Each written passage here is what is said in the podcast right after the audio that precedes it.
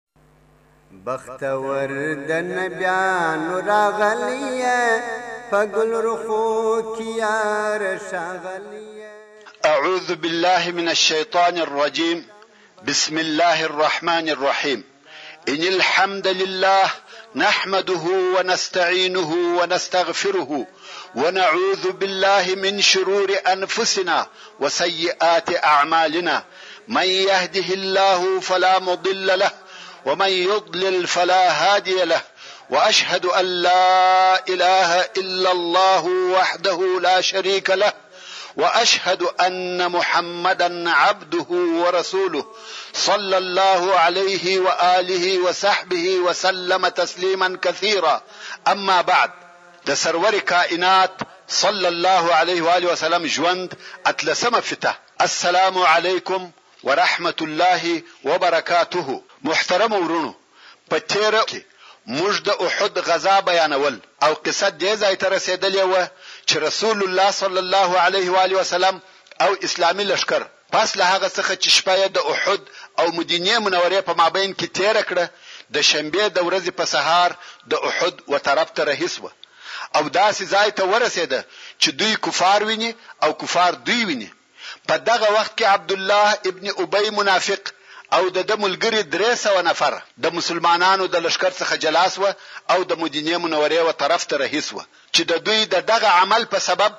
د واقعي مسلمانانو دوې نورې ډلې هم ضعیفه شوې او د تګ اراده یې وکړه، خو بیا هم د الله عزوجل په مهرباني بیرته پاته شوې. په دغه وخت کې عبدالله ابن حرام رضی الله تعالی عنه، چې د جابر ابن عبدالله پلار دی، په منافقانو پسې شو او کوښښ کوي چې دغه منافقان په دغه باریک وخت کې وخپلې واجب وظیفې ته متوجه کړي او راویې ګرځوي. ورته وایي، داسې مه کوئ، راسئ فی سبیل الله جنګ وکړئ یا اقلاً د خپلو ځانو څخه دفاع وکړئ. منافقانو ویل، که موږ په دې پوه شو چې خامخا جنګ پېښېږي نو موږ نه تلو، ستاسې په ملګرتیا مو جنګ کاوه. عبدالله ابن حرام رضی الله تعالی عنه ځنې را وګرځېد او د ځانه سره یې وویل، د الله دښمنانو! الله مو ورک که، الله عزوجل به خپل نبي ستاسې څخه مستغني کړي، یعنې تاسې ته بې حاجت نه شي پاته. د دغو منافقینو په باره کې د سورة آل عمران یو سل اووه شپېته نمبر آیات نازل شو چې رب عزوجل فرمايي،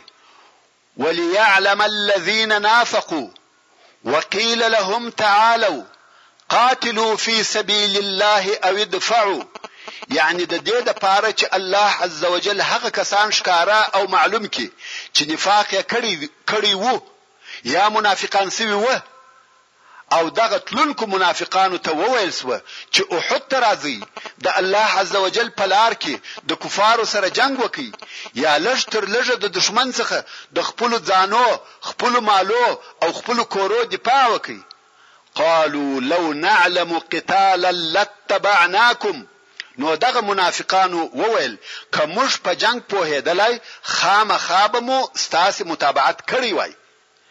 د دغه تلاوت شوي آیات شریف څخه چې د منافقانو قول دی درې قسمه مطلب اخیستل کېدلای شي. اول دا چې دوی وايي اصلاً جنګ نه پېښېږي، دا فقط یوه آوازه ده، جنګ نشته، که موږ په دې پوه شو چې جنګ کېږي نو خامخا ستاسې سره ملګري کېدو، دوهم دا چې که چیرې یو منظم او پر قانون موافق جنګ وای نو موږ به خامخا ستاسې سره پاته شوي وای مګر اوس د یوه طرفه درې زره منظم لښکر دی او د بله طرفه فقط زر نفره بې وسلې او اسلحې دربدره مسلمانان دي دا خو جنګ نه دی فقط د خپل ځان هلاکول دي. دریم دا چې که موږ په جنګي فنونو او قوانینو پوهېدلای نو خامخا ستاسې سره پاته کېدلو چې دا یې په حقیقت کې مسلمانانو ته طعنه او پېغور ورکاوه چې تاسې زموږ مشوره نه کړه قبوله چې په مدینه کې به پاته شو او د نورو په نظر مو عمل وکړئ راووتلاست د دې دا معنا وه چې موږ په جنګ نه پوهېږو او تاسې پوهېږئ، نو موږ ناپوهان د څه شي لپاره د خپلو ځانو سره بیایاست؟ مقصد دا چې منافقانو د درواغو په بهانو او پلمو خپل ځانونه د جنګ څخه وکښه او لاړه. الله عزوجل د دغه منافقانو د دغه جواب د تکذیب په باره کې فرمايي، هم للکفر یومئذ اقرب منهم للایمان. دوی، دغه منافقان، په دغه ورځ چې دغه خبره یې کوله و کفر ته ډېر نږدې وه نسبت و ایمان ته. دغه منافقان چې په زړه کافران او په خوله مسلمانان وه، د احد د جنګ په وخت کې په تشو بهانو او پلمو د رسول الله صلی الله علیه و آله وسلم او مسلمانانو څخه څخه جلا شوه او بېرته مدینې منورې ته رهي شوه. دغه د دوی ظاهري حالت هم تر ایمان و کفر ته ډېر نږدې دی. او په خپل دغه عمل سره مسلمانانو ته ضرر او کفارو ته ګټه رسوي یقولون بافواههم ما ليس في قلوبهم دغه منافقان په خپل خلو سره هغه خبرې کوي چې په زړه کې د هغه تصدیق نسته والله اعلم بما يكتمون او الله عزوجل په هغه څه ډیر ښه عالم او خبر دی چې دوی په خپل زړه کې پټوي دوی خو په ژبه سره وویل، لو نعلم قتالا لاتبعناکم، او هغه څه چې د دوی په زړو کې دي هغه نه وایي، خو د دوی په زړو کې دا وه چې ښه دی چې مسلمانان مغلوبه او ناکامه شي او موږ به بیا د خوشحالۍ اتڼونه کوو. خیر، اوس خو درې سوه نفره منافقان د مسلمانانو څخه جلا شوه او پاته لښکر چې ټوله اووه سوه نفره وو رسول الله صلی الله علیه وآله وسلم د دښمن پر طرف ور رهي کړ خو دلته بیا یو بل مشکل پېښ دی هغه دا چې رسول الله صلی الله علیه و آله وسلم د جنګ د تاکتیک په اساس غواړي چې د مسلمانانو لښکر داسې ځای واړوي چې د احد غر یې وشاته وي مګر اوس د مشرکانو د لشکر ډیرو حصو په داسې ځایو کې اړولې دي چې د مسلمانانو او د احد د غره تر مابین دي مسلمانان نسی کولای چې مستقیما د احد غره ته ورسي رسول الله صلی الله علیه و آله وسلم وفرمایل څوک موږ پر داسې لار و احد ته وروستلای سي چې د کفارو پر لشکر نسو ور ابو خیثمه رضی الله تعالی عنه ویل یا رسول الله زمور ولم او بیا یې د احد د غره و طرف ته داسې یو لنډ لار اختیار کړه چې د بنی حارثه په حره او کشتو کې تیرېده او د مشرکانو لښکر د غرب و خوا ته پاته کېدی. په دغه لار کې لښکر د مرباه ابن قیضې پر کښت ورغلی چې دغه سړی په ښکاره د اسلام دعوه کوي او په زړه کې منافق و او په سترګو هم ړوند و. کوم وخت چې مرباه ابن قیضې پوه شو چې لښکر زما په کښت کې تېرېږي نو د لښکر په مخ کې ودرېدی او د مسلمانانو پر مخانو خاورې ورپاشي. او رسول الله صلی الله علیه و آله وسلم ته وایي که ته رسول الله یې تا ته دا اجازه نه درکوم چې زما په کښت کې تیر شې رسول الله صلی الله علیه و آله وسلم ورته وایي موږ مجبور یو بله چاره نه لرو دغه لار موږ به هغه خپل ځای ته رسوي منافق وایي یا دا زما دا زما د کښت څخه به نه تیریږي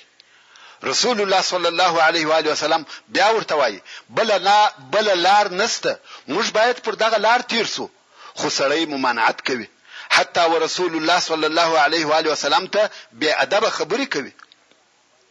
مسلمانان ور د مخه شوه چې دغه منافق ووژني، رسول الله صلی الله علیه و آله وسلم وفرمایل، پرېږدئ، دا ړوند د سترګو او ړوند د زړه دی او په کښت کې تیر شئ. نو مسلمانان په کښت کې تیریږي او دی ورسول الله صلی الله علیه و آله وسلم او مسلمانانو ته بد وایي خیر رسول الله صلی الله علیه و آله وسلم او مسلمانان د احد وغره ته ورسېده او هلته په داسې یو ځای کې واړول چې د لشکر مخ د مدینه منورې و طرف ته وو او شایه د احد د غره ولوړو لوړو لاشو ته وو چې په دې ډول سره د کفارو لښکر د مسلمانانو او مدینې منورې په مابین کې وو. په دغه ځای کې رسول الله صلی الله علیه و آله وسلم خپل لښکر جوړ او منظم کړ، د جنګ لپاره یې قطار قطار ودرول، مګر. د رسول الله صلی الله علیه و آله وسلم فکر په یوه شي بند دی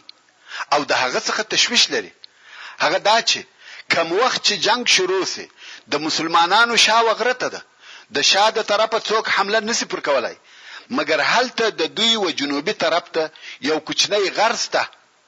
ممکن د دغه غره د طرفه څخه د دښمن د خوا یو څوک راسي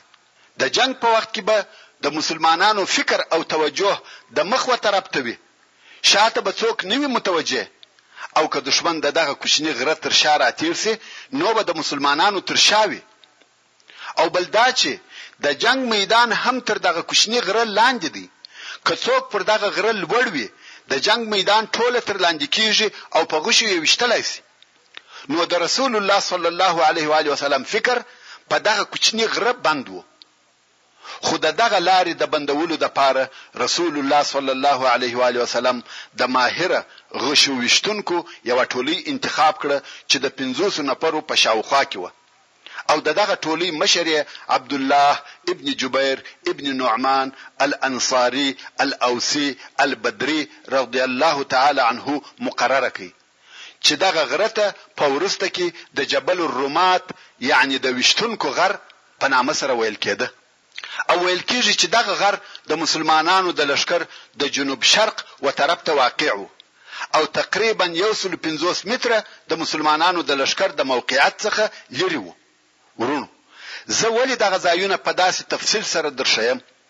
دا د دې لپاره که مو یو وخت د مدینې منورې زیارت په نصیب شو او د احد و شهیدانو او غره ته ورغلاست، د شهیدانو قبرونه، دغه غر او میدان جنګ به ټول ووینئ. نو رسول الله صلی الله علیه و آله وسلم دغه غشي ویشتونکي امر کړه چې د دغه غره پر سر به ناست یاست او ستاسې وظیفه دوه شی دي فقط دغه دوه کاره به کوئ اول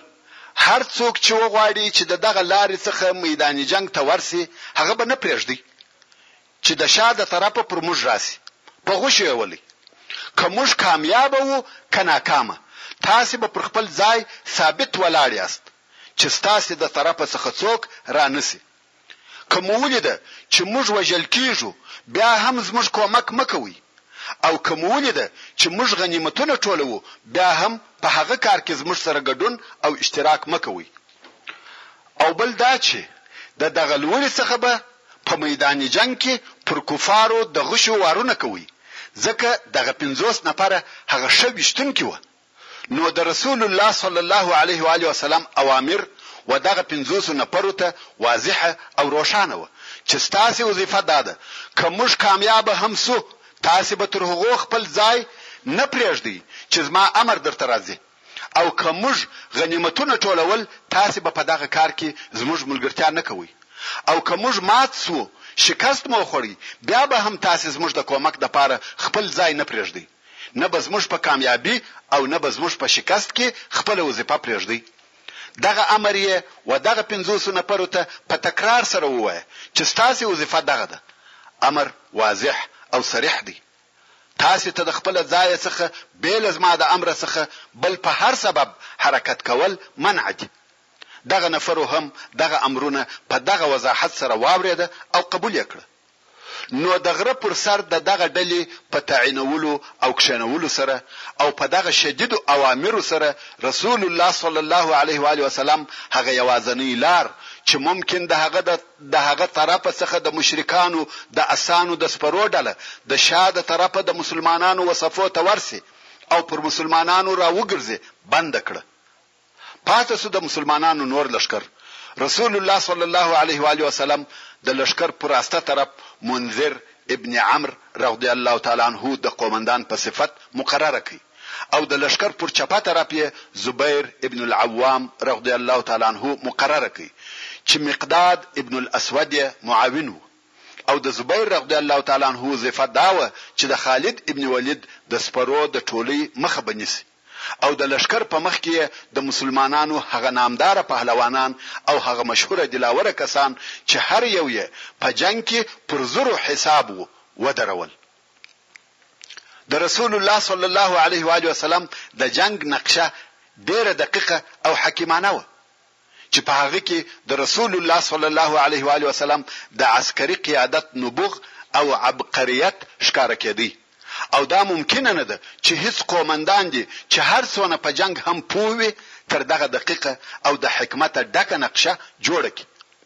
اولا یې د جنګ په میدان کې هغه ډېر ښه او مناسب ځای ونیو، که څه هم د دښمن لښکر تر دوی د مخه و میدان جنګ ته راغلی و او دوی وروسته راغله، خو د رسول الله صلی الله علیه وآله وسلم په دقت او حکمت یې ځان و داسې ځای ته ورساوه چې شا او د شا راسته طرف یې په غرو ساتلی و، په چپه طرف او د چپه طرف په شا کې چې کومه خالیګاه موجوده وه او د دې امکان و چې دښمن دې ددغه طرفه څخه راشي، هغه یې ددغه پنځوسو نفرو غشو ویشتونکو په ذریعه وساتل او د خپل لښکر دپاره یې داسې یوه لوړه اختیار کړه که لښکر شکست هم وخوري و تیښتې ته نه مجبوره کیږي چې بیا یې دښمنان ونیسي او بندیان یې کړي او که بیا چیرې دښمن وغواړي چې و دغه لوړې ته پسې ور وخیژي ډیر ځاني تلفات به ورکوي. او دښمن یې و دې ته مجبور کړ چې د خپل لښکر د اړولو لپاره کښته ځای ونیسي چې په نتیجه کې دښمن کامیاب هم شي د فتح او نصرت فایدې او ثمرې لاس ته نشي راوړلی. او که کامیابي د مسلمانانو وه دوی ځینې تښتېدلای نشي او د مسلمانانو د لښکر د شمېر کموالی یې په خپل دلاوره او زړه وره اصحابو پوره کړ. نو د نبوي لښکر تیاري او آمادګي د احد د جنګ دپاره د هجرت په دریم کال د شوال د میاشتي په اووم تاریخ د شنبې د ورځي په سهار په دغه ذکر سوي ترتیب سره ونیول سوه. رسول الله صلی الله علیه وآله وسلم چي دوې زغري یې سر پر سر سره اغوستي وې د لښکر په مابین کي ودرېدی او ویل، تر هغو به په جنګ شروع نه کوئ چي ما نه یاست امر کړي. او اوس خپل اصحاب و جنګ ته په قسم قسم طريقو تشويقوي او دلاوره کوي ويل که تاسې په جنګ کې صبر وکړئ او ثابته پاته شئ ستاسې د کومک دپاره به ملائکې راشي ځکه الله عزوجل په درو زرو ملائکو وعده ورسره کړې وه. د بدر په غزا کې الله عزوجل زر ملائکې راولېږلې او اوس یې په درو زرو بلکې تر هغه هم زیاتې وعده ورسره کړې ده په دې شرط چې مسلمانان په جنګ کې صبر وکړي او ثابت ودرېږي. الله عزوجل د سورة آل عمران په یو سل څلېرویشت نمبر او وروستنیو آیاتو کې فرمایي، اذ تقولو للمؤمنین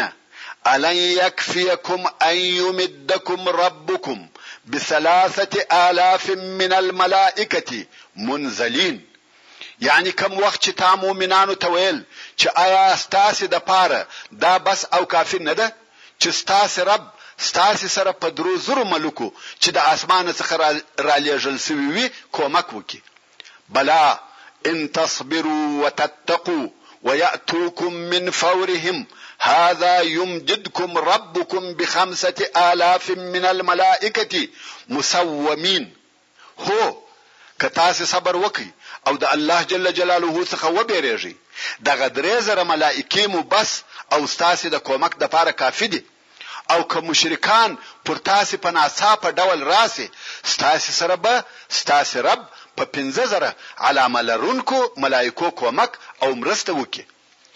هلته داسې آوازه نشر او خپره شوه چې کرز ابن جابر د لوی لښکر سره د کفارو د کومک لپاره رارهي دی.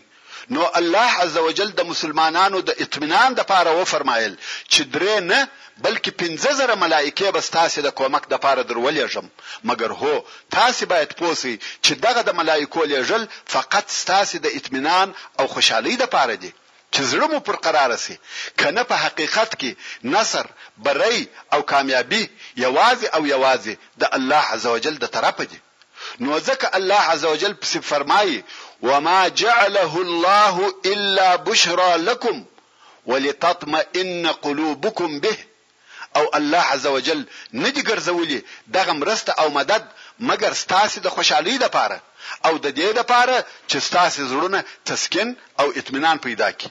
وما النصر الا من عند الله العزیز الحکیم او نه ده مرسته، مدد، نصرت، کامیابي مګر د طرفه د الله هغه چې ډېر قوي او غالب دی او هغه الله چې هر کار په حکمت او مصلحت سره کوي. وروڼو!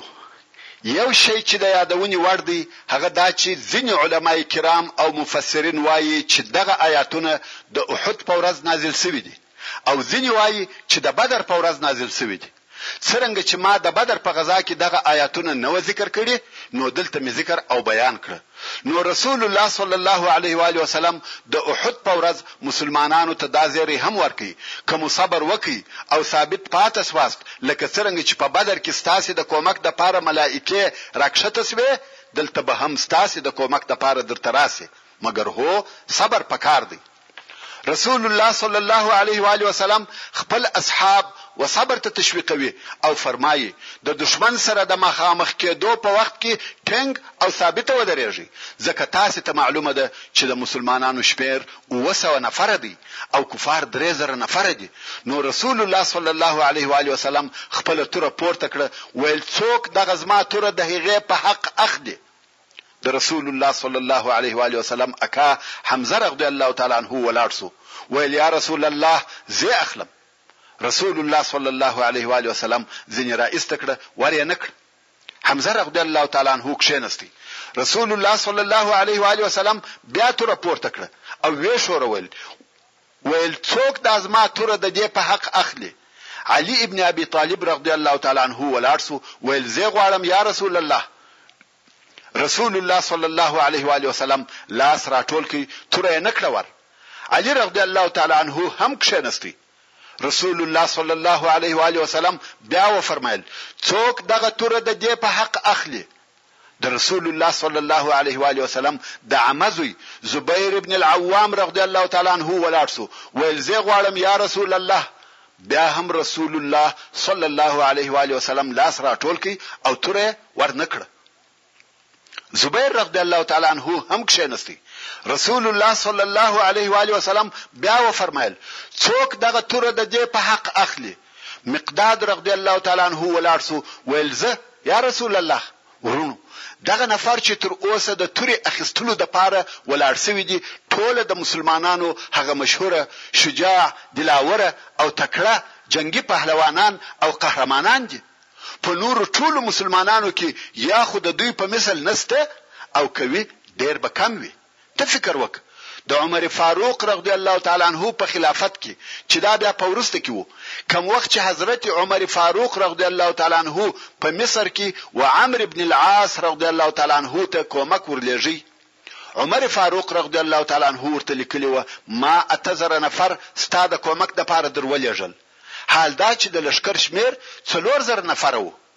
نو بیا په خپله حضرت عمر رضی الله تعالی عنه دا واضحه کړه چې هو! د دغه لښکر سره چې څلور زره نفره دی، څلور نفره قومندانان ورسره دي چې هر یو یې ماته پر زرو نفرو حساب دی، چې په هغه څلورو نفرو کې یو زبیر ابن العوام رضی الله تعالی عنه وو او بل مقداد رضی الله تعالی عنه وو، چې دغه نفر هر یو یې پر زرو نفرو حساب وه، دا د دغو نفرو جنګي طاقت او مهارت وو، مګر رسول الله صلی الله علیه وآله وسلم خپله توره و دغه نفرو ته ور نه کړه او که رسول الله صلی الله علیه وآله وسلم توره دغه نفر وا نخلي نو بې څوک اخلي؟ خو بیا هم رسول الله صلی الله علیه وآله وسلم خپله توره د پنځم وار لپاره پورته کړه او ویې فرمایل، څوک دغه توره د هغې په حق اخلي، ابو دجانه الانصاري رغدی الله تعالی عنه چې نوم یې سماک ابن خرشه دی ولاړ شو، ویل، یا رسول الله د دغه توري حق څه شي دی؟ اصلا رسول الله صلی الله علیه و آله وسلم د دغه پوښتنې انتظار کاوه. تر اوسه چا پوښتنه نه ده ځنې کړې چې حق یې څه شي دی؟ هر یوه بې له پوښتنې ویل چې زۀ غواړم.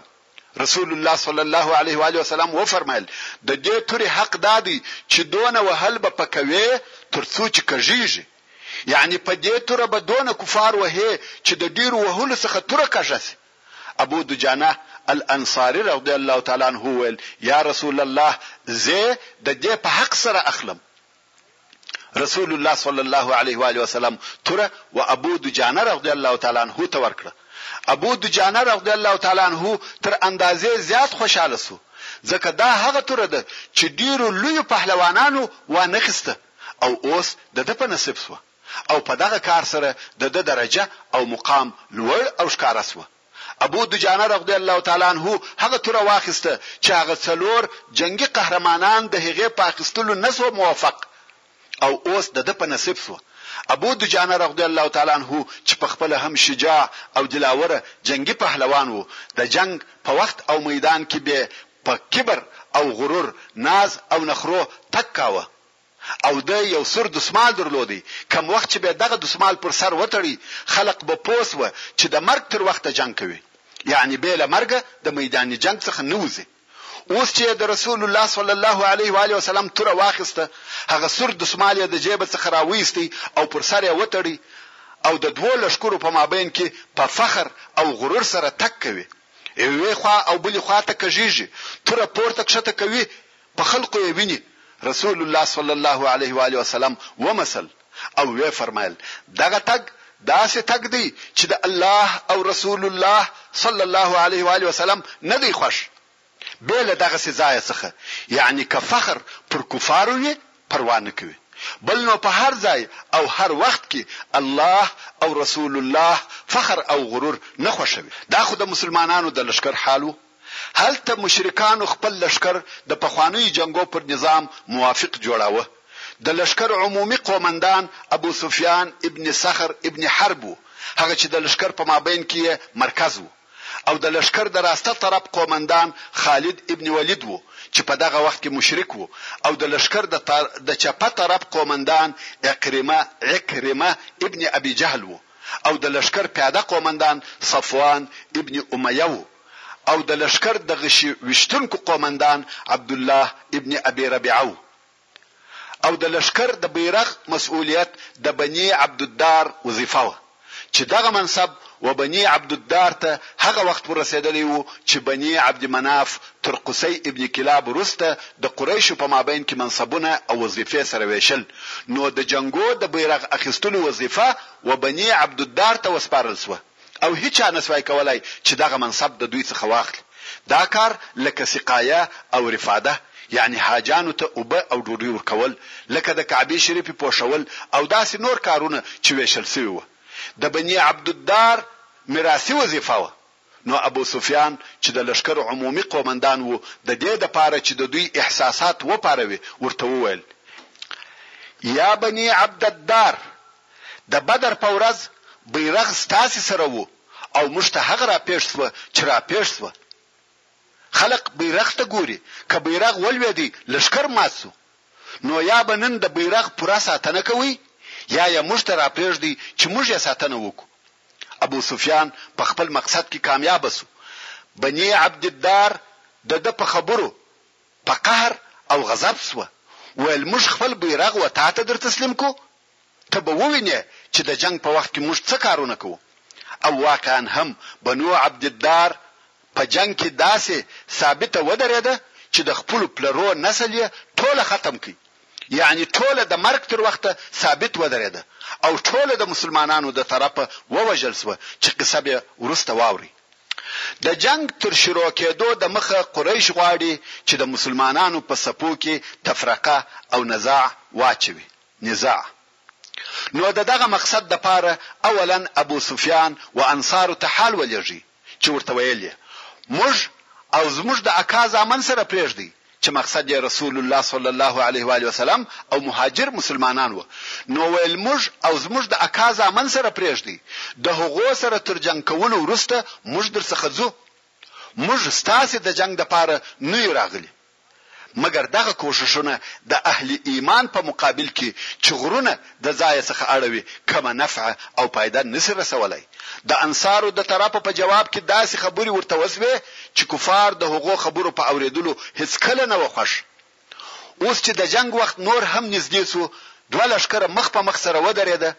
قریشو بیا هم د مسلمانانو د تفرقې او اختلاف لپاره یوه بله نقشه جوړه کړه، هغه دا چې د مشرکانو یو بل خائن نوکر چې ابو عامر الفاسق ورته ویل کېده چې د دغه سړي اصلي نوم عبد عمر ابن صیفي و او په راهب سره مشهور و، خو رسول الله صلی الله علیه وآله وسلم د راهب پر ځای فاسق وباله. دغه سړی د جاهلیت په وختو کې د اوس او خزرج و قبیلو ته ډېر محترم و او په ښه سترګه یې ورته کتل. کوم وخت چې مدینې منورې ته اسلام راغلی، ده د رسول الله صلی الله علیه وآله وسلم د دښمنۍ اعلان په ښکاره او واضح ډول سره وکړ او بیا چې د رسول الله صلی الله علیه وآله وسلم تر هجرت وروسته په مدینه منوره کې اسلام نشر شو، نو ده په مدینه منوره کې نور ژوند نه شوای کولای. نو یې مدینه منوره پرېښول او شام ته ولاړ. کوم وخت چې یې واورېده چې کفار د مسلمانانو د جنګ لپاره تیاري نیسي، نو دی هم راغلی او د کفارو په لښکر کې شامل او داخل شو. نور هم کفار د رسول الله صلی الله علیه وآله وسلم و جنګ ته تشویقوي او مشرکانو ته یې ویل، که زما قوم ما وویني خامخا زما متابعت کوي او زما ملګري کیږي نو اوس دغه سړی یعنی ابو عامر الفاسق د دوو حبشي مریانو سره و میدان جنګ ته ورووتی او په لوړ آواز یې و خپل قوم ته ورنارې کړه، یا معشر الاوس! زه ابو عامر یم، ستاسې او د محمد یې سره څه؟ ماته راسئ، زه ستاسې مشر او سردار یم. د اوس او خزرج قبیلو په جواب کې ورته وویل، چپ شه ای د الله دښمنه، الله دې تا په موږ نه ویني. ده او نورو کفارو هیڅ دا فکر نه کاوه چې د ده قوم دې و ده ته داسې سخت جواب ورکړي، ځکه دی په دوی کې د لوړ مقام خاوند و او هغو اوس داسې سخت جواب ورکړ. نو نو ابو عامر وویل، والله زما قوم ته تر ما وروسته شر پېښ شوی دی. ویل په تاسې څه شوي دي ما نه قبلوئ؟ خیر. ابو عامر د کفارو په لښکر کې پاته شو او په دغه طریقه سره د مسلمانانو د تفرقې لپاره د مشرکانو دوهمه نقشه هم ناکامه شوه او د کفارو دغه د تفرقې اچولو کوښښونه پر دې دلالت کوي چې دوی د مسلمانانو څخه بیریده. که څه هم کفار ډېر او په اسلحه مجهزه وه، بیا هم د دغه لږو مسلمانانو بېره او هیبت پر دوی غالب و او غواړي چې دغه لږ مسلمانان هم سره وپاشي. ابو عامر الفاسق تر جنګ د مخه یو بل کار هم کړی و، هغه دا چې په میدان جنګ کې یې لوی لوی غارونه د دې لپاره وکیندل چې د جنګ په وخت کې مسلمانان ور ولوېږي. او تاسې ته معلومه ده که څوک و یوه غار یا کندې ته ولویږي هغه په اسانه سره وژل کیږي نو ابو عامر څو نفره هم د ځان ملګري کړي وه او غارونه کندې د پاره د دې چې مسلمانان ور ولویږي قریش هم هلته خپل لښکر و جنګ ته تشویقوي مګر د هغو تشویق داسې نه دی لکه د مسلمانانو چې رسول الله صلی الله علیه و آله وسلم د ملائکو په نزول زیری ورکوي او یا داسې نور د تشویق او ترغیب کارونه. د کفارو د تشویق دپاره فقط ښځې وې، اوس د مشرکانو ښځې چې مشره یې د ابو سفیان زوجه هند بنت عتبه ده په جنګ کې د ګډون او اشتراک خپله حصه اخلي. د لښکر د صفو او قطارو په مابین کې دریې په لاس ګرځې، دریې وهي او د جنګیالیو د احساساتو د پارولو لپاره بیتونه او اشعار وایي. په غزلو کې به داسې اشعار ورته ویل،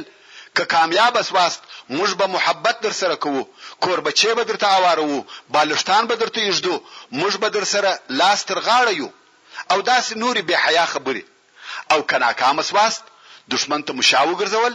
نه تاسې زموږ یاست، نه موږ ستاسې. دا د قریشو د تشویق طریقه وه.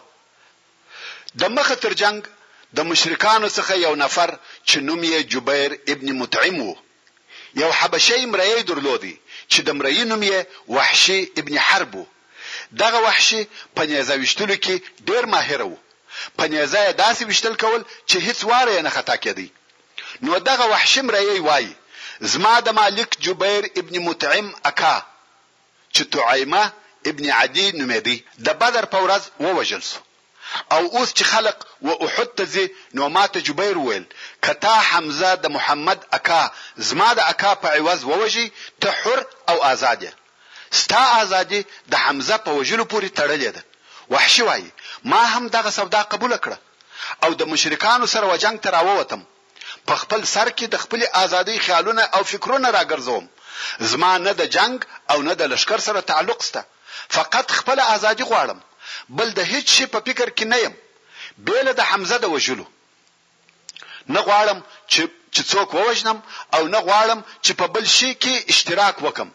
بل هیڅ مقصد نه لرم بې له خپلې ازادۍ چې هغه د حمزه په وژلو پورې تړلې وه نو وحشي فقط د دغه مقصد دپاره د جنګ و میدان ته داخل شو چې حمزه ووژني او دی ازاد شي دا و میدان جنګ ته د وحشي د راتګ سبب و محترمو وروڼو د مخه تر دې چې د جنګ د واقعاتو په بیانولو شروع وکړم، خپل یو عذر به درته بیان کړم، هغه دا چې د احد جنګ د ورځو او هفتو جنګ نه و، چې د هرې ورځې واقعات یې په ترتیب سره درته بیان کړم. د احد د جنګ ټوله وخت او موده فقط نیمه ورځ وه. په سهار کې شروع شو او ماپښین پای ته ورسېدی او واقعات یې خورا ډېر دي. په یوه لحظه او یوه وخت کې دلته او هلته، دورې هورې، قسم قسم مختلف واقعات پېښېږي. که څه هم زه به تر ډېرې اندازې کوښښ وکړم چې واقعات په ترتیب سره بیان شي، خو بیا هم نه شم کولای چې ټوله واقعات په پوره ترتیب سره درته بیان کړم، ځکه په یوه لحظه کې مختلفې واقعې پېښېږي، نو خود د حالاتو د بیانولو لپاره یو د میدان جنګ یوې حصې ته ځم او بیا بلې ته، د پوره ترتیب مراعت نه شم کولای، دغه عذر مې تاسې قبول کړئ او اوس به د جنګ د واقعاتو په بیانولو شروع وکړم. دوه لښکره سره نږدې شوه او د جنګ اولنۍ مرحلې شروع شوې. د جنګ اول پېلوځی د مشرکانو د بیرغ اخیستونکی طلحه ابن ابي طلحه العبدري و. چې دا سړی د قریشو د مشهوره او دلاوره پهلوانانو څخه و، دا سړی پر اوښ سپور و، میدان جنګ ته راووتی او ویل څوک مبارزه راسره کوي؟ د ده د قوت او دلاورۍ په سبب خلق ځینې ګوښه شوه، مګر زبیر بن العوام رضی الله تعالی عنه وردمخه شو، هیڅ مهلت یې ورنه کړ، د زمري غوندې حمله یې پر وکړه، په ځغستا ور په هوا شو، هلته لوړ د ده اوښ ته ور وخوت، سړی یې په یوه حمله د اوښه څخه کښته وغورځاوه او دی پرا وغورځېد او د ده په توره یې حلال کړ، رسول الله صلی الله علیه و آله وسلم چې دغه په زړه پورې حمله او د کافر وژل ولیده، تکبیر یې ووایه او مسلمانانو هم تکبیر ورسره ووایه. رسول الله صلی الله علیه و آله وسلم و زبیر رضی الله تعالی عنه ته دعا وکړه او ویې فرمایل، هر نبي لره حواري سته او زما حواري زبیر دی. په دې جنګ کې هغه پهلواني چې د جنګو په شروع کې به کېده، نه وسوه. جنګ شروع شو او لښکرې یو په بل سره ګډې شوې. د میدان جنګ په هره نقطه کې دوه لښکره سره اخته دي. په هغه وخت کې د عربو د جنګ طریقه داسې وه، هر لښکر به یو لوی بیرغ درلودی، که به د هر طرف بیرغ ولوېدی او بیا به نشو پورته، هغه لښکر مات و. او که به بیرغ ولاړ وو معنا دا چې لښکر منظم، ثابت او قایم دی نور هم جنګ کوي. که به بیرغ ولویدی او بیا به نشو پورته معنا دا چې لښکر شکست وخوړی او د تیښتې په حال کې دی. مقصد دا چې یوازې د عربو نه بلکې په پخوانیو جنګو کې د لښکر حال پر بیرغ معلومیدی چې لښکر قایم دی او نور هم جنګ کوي یا دا چې لښکر شکست وخوړی او تښتي اوس د مسلمانانو بیرغ د مصعب ابن عمیر رضی الله تعالی عنه څخه دی او د کفارو بیرغ د بنی عبد الدار چې د قریشو یو شاخ دی د هغو څخه دی د بنی عبد الدار اول بیرغ اخیستونکی چې طلحه ابن ابی طلحه وو او د زبیر رضی الله تعالی عنه د طرفه ووژل شو. بیا نو بیرغ د هغه ورور عثمان ابن ابي طلحه واخیستی او دا خو مو هم په یاد دي چې ابو سفیان ورته ویلي وه چې یا بني عبدالدار د بدر په ورځ هم بیرغ ستاسې په لاس کې وو او ولویدی که نن ورځ هم بیرغ درڅخه لویږي اوس یې لا راپریږدی هغو ویل قسم دی هیڅکله به بیرغ ولویدلو ته نه پریږدو. حمزه رضی الله تعالی عنه چې جنګي پهلوان او قهرمان دی او دا هم ورته معلومه ده چې د کفارو د شکست د پاره اسانه لار دا ده چې بیرغ یې ولویږي نو یې د جنګ په شروع کې یو څو نفره د ځان ملګري کړه چې د کفارو بیرغ به ثابته او ولاړ نه پریږدو. اوس چې عثمان ابن ابي طلحه بيرغ په لاس شعرونه وايي ميدان جنګ ته راووتی، حمزه رغدی الله تعالی عنه د بيرغ پر طرف ډيره سخته او شديده حمله شروع کړه، چپه او راسته طرف ته وهل کوي، کفار وژني، لکه ژرنده چې په مخه ورځي هغه ميده کوي. څو د کفارو و بیرغ ته ورسیدی هغه نفر چی بیرغ یې په لاس کی وو په توره یې پر اوږه وواهه لاس یې د اوږې سره په هوا سو حتی سږی یې معلوم سو دا خو ووژل سو او د جنګ په اولو دقیقو کی د کفارو بیرغ ولویدی ډیر ژر د ابو طلحه بل زوی ابو سعد ابن ابی طلحه بیرغ پورته کړ. حمزه رضی الله تعالی عنه چې تر اوسه لا دالته دی پر هغه یې هم حمله وکړه دا یې هم وواژه دوهم وار بیا د کفارو بیرغ ولویدی ورونو دغه د بیرغ اخیستونکي چې وژل کیږي د جنګ کار دی د هره طرفه د بیرغ پر اخیستونکي وارونه کیږي نو ځکه د دغه وژونکي په نامه کې ځینې وختونه اختلاف راځي او دغه اختلاف د قبلولو وړ دی ځکه یوه راوي یو نفر لیدلی دی چې بیرغ اخیستونکی یې ووژي او بل راوي د بل نفر واری لیدلی دی چې بیرغ اخیستونکی یې ووژي نو دلته که په ځینو روایتون که په ځینو روایتوکې د وژونکي په نامه کې اختلاف راسي قابل د تشویش نه دی مقصد د کفارو د بیرغ اخیستونکي پرله پسې وژل کیږي خیر د کفارو بیرغ د دوهم وار لپاره ولویدی. کفار وارخطا شوه چې د جنګ په شروع کې د دوی بیرغ دوه واره لویږي، دا وار بیرغ د ابو طلحه لمسی مسافع ابن طلحه پورته کړ او کفار پر حمزه رضی الله تعالی عنه راټول شوه حملې پر کوي، د بیرغ څخه یې منع کوي، د جنګ شدت د بیرغ پر شاوخوا دی، د کفارو ټول طاقت د بیرغ وساتلو ته متوجه دی، نو ځکه وې کولای شوای چې حمزه رضی الله تعالی عنه د بیرغ څخه منع کړي. په دغه وخت کې حضرت علي رضی الله تعالی عنه بله ټولۍ جوړه کړه او د بله طرفه یې پر بیرغ حمله وکړه، د بیرغ اخیستونکی یې وواهه او ویې وژی. د دریم وار دپاره د کفارو بیرغ د علي ابن ابي طالب رضی الله تعالی عنه په واسطه ولوېدی. د طلحه بل زوی کلاب ابن طلحه بیرغ پورته کړ، بیا هم جنګ پر بیرغ شروع دی، علی رضی الله تعالی عنه چې تر اوسه لا دالته دی بیا یې حمله پر وکړه دا یې هم ووژی، د څلورم وار دپاره بیا د کفارو بیرغ ولویدی او د ابو طلحه د کورنیه پنځه نفره ووژل شوه. د کفارو لښکر د میدان جنګ د شاوخوا څخه ورته ګوري چې بیرغ ته څه پیښه ده، لویږي او پورته کیږي. ټول کفار د بیرغ په انتظار دي چې څه به ورته پیښه شي او د جنګ شدت هم ټوله د بیرغ پر شاوخوا دی. کفارو ډیرې سختې حملې شروع کړې. چي علي او حمزه پر شا کي د بيرغ د شاوخوا ټول کفار و دوی ته متوجه دي، هلته د طلحه بل زوی چي جلاس ابن طلحه نومېدی بيرغ پورته کوي، دلته کفار د علي او حمزه رضي الله تعالی عنهما سره اخته دي چي عاصم ابن ثابت رضي الله تعالی عنه د يوې بلي ډلي سره راغلی او پر بيرغ يې حمله وکړه، د طلحه زوی یې ووژی او د کفارو بیرغ د پنځم وار لپاره ولویدی. کفار لیونی شوه، نه پوهیږی چې څه وکړي، کوم یو منع کړي. سلافه، د ابو طلحه لور، چې د هغه پنځو وژل شوو کسانو خور یا عمه وه، دا هم په دغه جنګ کې حاضره وه او دا پوهیده چې هغه کسان چې بیرغ پورته کوي هغه د دې وروڼه دي او پوهیده چې د هر وار بیرغ د لویدلو سره د دې یو ورور وژل کیږي نو د بیرغ و طرف ته وردمخه شوه هغه وخت و بیرغ ته ور ورسیده چې پنځم ورور یې عاصم ووژي دا ورته ګوري او ورور یې ووژل شو او بیرغ هم د پنځم وار د پاره ولویدی شپږم نفر چې دی هم د ابو طلحه د اولادې څخه و بیرغ پورته کړي، سلافه ورته ګوري، پنځه وروڼه یا وراره ګان یې ووژل شوه او شپږم یې بیرغ پورته کړي، دلته بیا عاصم رغدی الله تعالی عنه وکولای شوای چې و شپږم نفر ته ځان ور ورسوي او هغه هم ووژني، سلافه چې د دغه شپږو وژل شوو نفرو خور یا عمه وه ورته ګوري او د شپږم وار لپاره بیا بیرغ ولویدی، د کفارو لښکر د جنګ د اولو لحظو څخه په ریږدیدو شو، سلافه چې ولیده چې دوه وروڼه یې د دې ومخ ته د عاصم رغدی الله تعالی عنه په لاس وژل کیږي نو یې دا خیال سو چې هغه نور وروڼه یې هم عاصم رغدی الله تعالی عنه وژلي دي د دې په ګمان چې شپږ سره عاصم رغدی الله تعالی عنه ووژل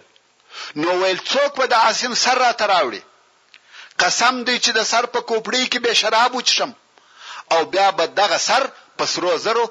ډک کړم او په انعام کې به و هغه چا ته ورکړم چې دغه سر يې راته راوړی وي. يعنې دا د هغه چا انعام دی چې د عاصم سر راته راوړي چې زه به د هغه په چې زه به دغه سر په سرو زرو ډکوم او هغه ته بې ورکوم. دلته نو پر عاصم حملې زياتې شوې، ځکه هر څوک غواړي چې دغه انعام او جايزه واخلي، خو عاصم رغدی الله تعالی عنه چې و هرې خوا ته مخکې وهل او وژل کوي. د کفارو بیرغ پر مځکه پروت دی، تر اوسه پورې شپږ نفره د بیرغ اخیستونکي د یوې کورنۍ څخه چې د ابو طلحه چې نوم یې عبدالله ابن عثمان ابن عبدالدار کورنۍ ده وژل شوي دي. په دغه وخت کې د کفارو څخه یوه نفر چې د ابو طلحه د کورنۍ څخه نه وو مګر د بني عبدالدار څخه وو،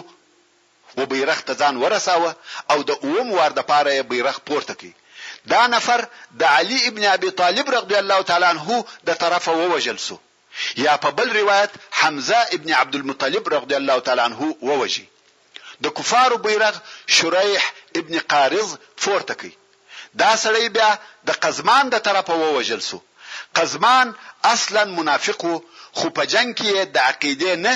بلکې د قومیت پر اساس ګډون کړی و. تفصیل به وروسته درته راشي.